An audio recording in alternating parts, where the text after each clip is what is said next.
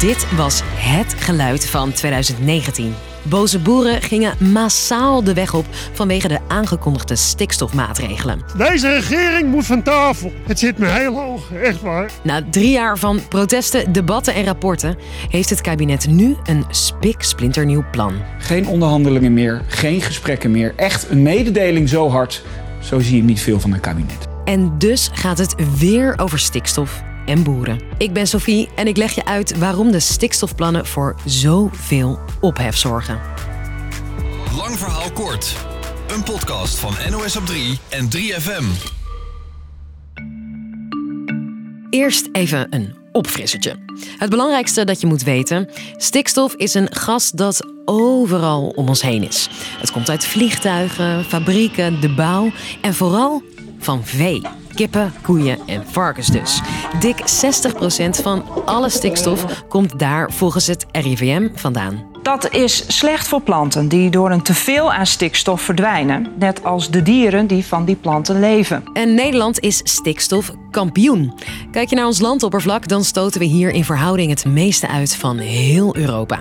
In 2019 bepaalde de hoogste bestuursrechter dat het kabinet per direct meer moest doen om de natuur te beschermen. Gevolg? De stikstofcrisis. Ik zeg, dit is de zwaarste crisis in mijn carrière. In mijn negen jaar als premier. Bouwprojecten werden per direct stilgelegd. De snelheidslimiet ging van 120 naar 100. En het kabinet wilde minder vee en boeren uitkopen. En hoewel die uitkoopplannen niet concreet werden, protesteerden boeren er fel tegen.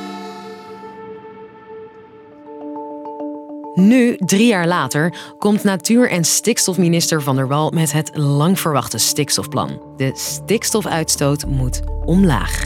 Flink omlaag, soms wel tot 70% in de buurt van natuurgebieden. En dat heeft grote consequenties voor duizenden boeren. Het zal voor een deel van onze boeren betekenen dat zij hun bedrijf niet kunnen voortzetten zoals zij dat deden. In de gebieden waar het stikstofprobleem het grootst is, moet tot de helft van de boerenbedrijven misschien weg.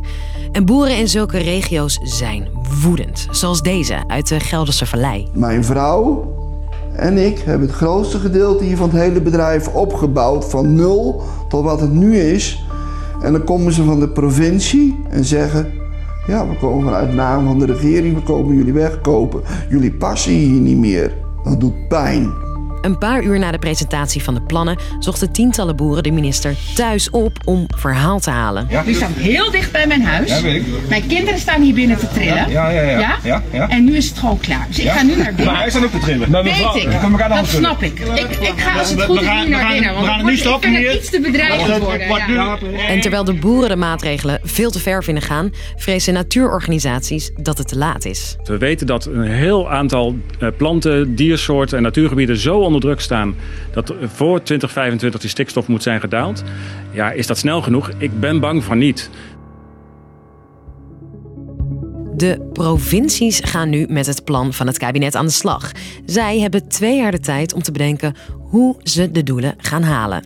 Dat kan nog best een ingewikkelde klus worden, want niet alleen de boeren zijn tegen. Het onderwerp zorgt ook binnen de invloedrijke VVD voor weerstand. 51% van de leden keurt de nieuwe stikstofplannen namelijk af. Het is een schande dat deze plannen de agrarische sector op deze manier raken.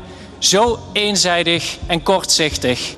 Terwijl een bijna even grote groep de plannen wel ziet zitten. En ik zeg het u, ik heb zo meteen liever een dak boven mijn hoofd dan een speklapje op mijn bord. En om dat te bereiken moeten we de veestapel verminderen. Premier Rutte en minister Van der Wal, allebei VVD-lid, willen de nieuwe stikstofplannen niet meer veranderen. Die doelen zijn klip en klaar. Ik heb een duidelijke opdracht. We moeten de helft minder stikstof uitstoten in 2030. Terug naar de tekentafel dan maar. Nou, dat gaan we niet doen. Maar we gaan wel verder ook met alle mensen die hier in de zaal opmerkingen hebben gemaakt, uiteraard in gesprek.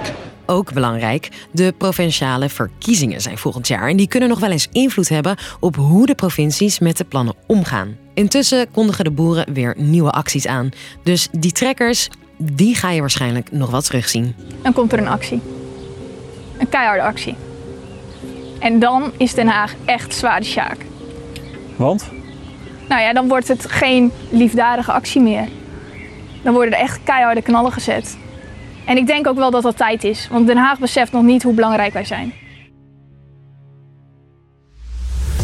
Dus, lang verhaal kort. Volgens het lang verwachte stikstofplan van het kabinet moet de uitstoot in sommige gebieden flink omlaag.